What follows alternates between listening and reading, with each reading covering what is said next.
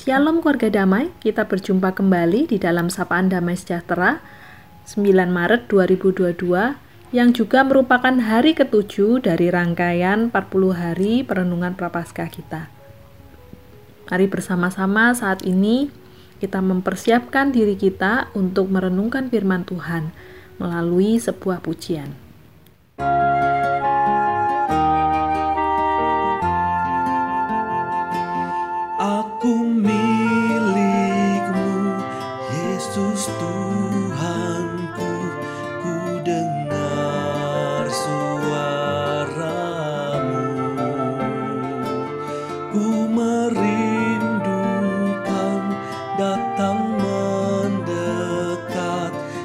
diraih olehmu.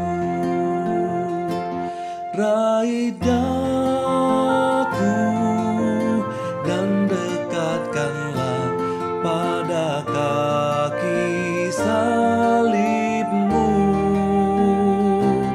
Raih daku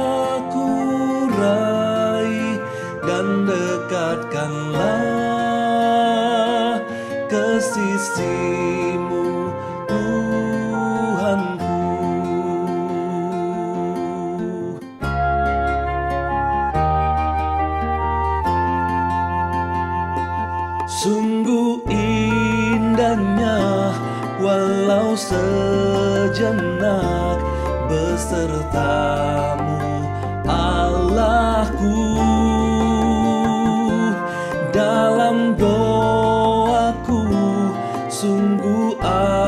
akrabnya bersekutu denganmu.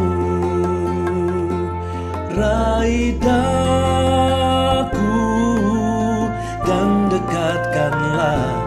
pada kaki salibmu.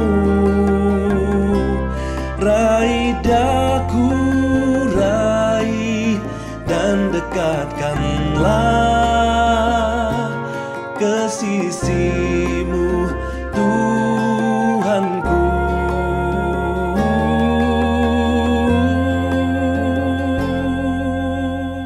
Mari kita berdoa.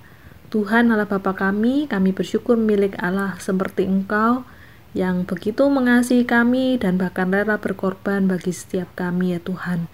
Saat ini Tuhan, kami rindu menjadi anak-anakmu yang hidup seturut dengan firman-Mu. Kami membuka hati kami untuk dituntun oleh firman Tuhan. Di dalam nama Tuhan Yesus kami berdoa. Amin.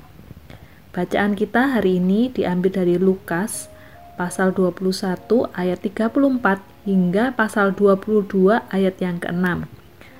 Namun saya akan membacakan yang menjadi poin dari pembacaan kita hari ini yaitu dari Lukas pasal 22 ayat yang ketiga hingga 6 saja. Maka masuklah iblis ke dalam Yudas yang bernama Iskariot, seorang dari kedua belas murid itu. Lalu pergilah Yudas kepada imam-imam kepala dan kepala-kepala pengawal bait Allah dan berunding dengan mereka, bagaimana ia dapat menyerahkan Yesus kepada mereka. Mereka sangat gembira dan bermufakat untuk memberikan sejumlah uang kepadanya. Ia menyetujuinya dan mulai dari waktu itu ia mencari kesempatan yang baik untuk menyerahkan Yesus kepada mereka tanpa setahu orang banyak. Demikianlah bacaan kita hari ini, keluarga damai. Keluarga damai ada tiga T yang digadang-gadang sebagai penyebab seseorang berkhianat. Ya, itu adalah harta, tahta, dan wanita. Kita dapat melihat bagaimana masalah harta menjadi penyebab dari Yudas berkhianat di dalam perikop ini. Memang firman Tuhan sendiri berkata bahwa akar dari segala kejahatan adalah cinta uang. Akan tetapi keluarga damai dari perikop ini pun kita juga mendapati ada penyebab lain dari pengkhianatan Yudas, yaitu Yudas dipakai oleh iblis. Di dalam bacaan kita pada hari ini dari Lukas 22 ayat yang ketiga. Maka masuklah iblis ke dalam Yudas yang bernama Iskariot, seorang dari kedua belas murid itu.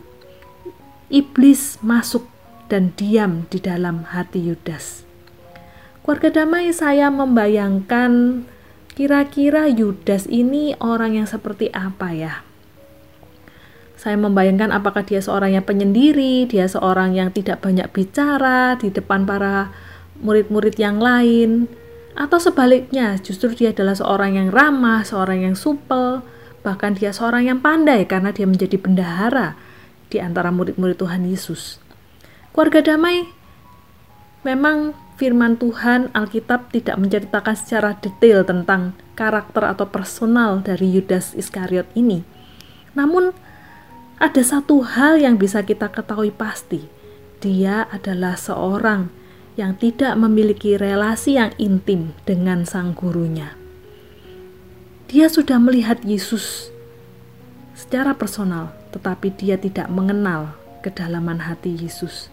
Dia sudah sering kali mendengarkan suara Yesus, tetapi dia tidak memahami apa yang menjadi maksud ajaran-ajaran Yesus. Dia punya agama, tetapi dia tidak punya relasi.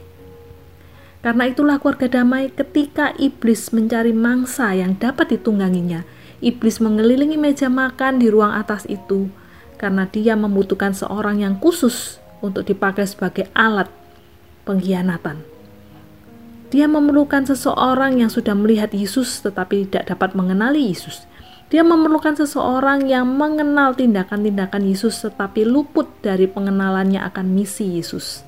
Ya, Yudaslah orangnya. Dan iblis memakainya. Iblis masuk ke dalam Yudas Iskariot untuk menghancurkan Yesus, namun bukan hanya berniat untuk menghancurkan Yesus, tetapi iblis pun berniat menghancurkan Yudas sendiri. Keluarga damai yang terkasih dalam Tuhan, memang keberadaan atau peran iblis dalam kehidupan manusia tidaklah boleh kita abaikan. C.S. Lewis mengatakan ada dua kekeliruan yang dilakukan oleh manusia mengenai iblis. Yang pertama, mereka tidak mempercayai keberadaan iblis. Yang kedua adalah mereka mempercayai keberadaan iblis tetapi secara berlebihan. Keluarga damai iblis senang kalau kita tidak percaya kepada keberadaan mereka. Mengapa? Karena kita akan menjadi seorang yang mengandalkan materi, seorang yang hidup merasa tenang, tidak ada ancaman, sehingga kita tidak akan berdoa. Iblis akan bekerja dengan leluasa bagi orang-orang yang tidak berdoa karena dia tidak mendapatkan perlawanan melalui doa-doa kita. Yang kedua, namun tidak baik juga kalau kita menjadi orang yang terlalu berlebihan mempercayai keberadaan iblis. Karena kita akan menjadi orang yang apa-apa, sedikit-sedikit ada hal yang tidak baik, kita akan mengatakan, "Wah, ini dari iblis."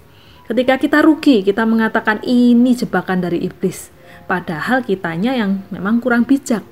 Atau ketika kita jatuh di dalam dosa, maka kita akan berkata, "Ini karena godaan iblis." Padahal kitanya yang memang sedang tidak memiliki persekutuan yang intim dengan Tuhan. Keluarga damai yang terkasih dalam Tuhan, Yudas Iskariot dia tetap bertanggung jawab. Dia tetap mesti bertanggung jawab walaupun iblislah yang memakai dirinya. Yudas tidaklah bebas dari kesalahan ketika dia menjadi alat iblis. Buktinya apa? Yesus sendiri berkata mengenai Yudas di dalam Lukas 22 ayat 22. Sebab anak manusia memang akan pergi seperti yang telah ditetapkan, akan tetapi celakalah orang yang olehnya ia diserahkan. Yudas tetap bersalah sebab dia tidak melawan iblis yang mencobai dirinya. Keluarga damai istilah masuklah iblis ke dalam diri Yudas ini bukan berarti bahwa Yudas itu seperti orang yang kerasukan setan dan akhirnya kehilangan kesadaran. Tidak, Yudas tetap memiliki kesadaran ketika dia menjual Kristus dengan 30 keping perak. Ayat ini menunjukkan bahwa iblis memang sudah menjadikan Yudas sebagai alatnya. Namun Yudas tetap bersalah karena dia tidak melawannya dengan iman yang teguh. 1 Petrus 5 ayat 9 berkata, Lawanlah iblis dengan iman yang teguh, sebab kamu tahu bahwa semua saudaramu di seluruh dunia menanggung penderitaan yang sama. Warga damai bagaimana dengan kehidupan kita hari ini? Sudahkah hidup kita dipakai sebagai senjata kebenaran atau justru menjadi senjata kegelapan? Warga damai sebuah jaket yang dibeli dari sebuah toko dengan harga yang standar Akhirnya setelah lama dipakai kumal dan sedikit robek-robek, jaket ini dilelang dan ternyata terjual dengan harga ratusan ribu US dollar. Mengapa? Apa yang membuat jaket kumal itu terjual dengan harga sangat tinggi setelah sekian lama dipakai? Apa karena bagus atau karena kualitasnya? Tidak. Barang tersebut memiliki nilai yang tinggi karena orang yang memakai dan memilikinya. Ya, jaket itu adalah milik Elvis Presley yang sering dia pakai dalam konser-konsernya. Keluarga damai jika kita menarik ilustrasi ini dalam harga sebuah kehidupan. Harga sebuah kehidupan adalah memiliki nilai yang tinggi atau berharga atau tidak tergantung siapa yang memakai dan memilikinya. Kehidupan bisa menjadi sangat berharga dan bisa menjadi sangat murah, bisa dilupakan, bisa juga terus diingat.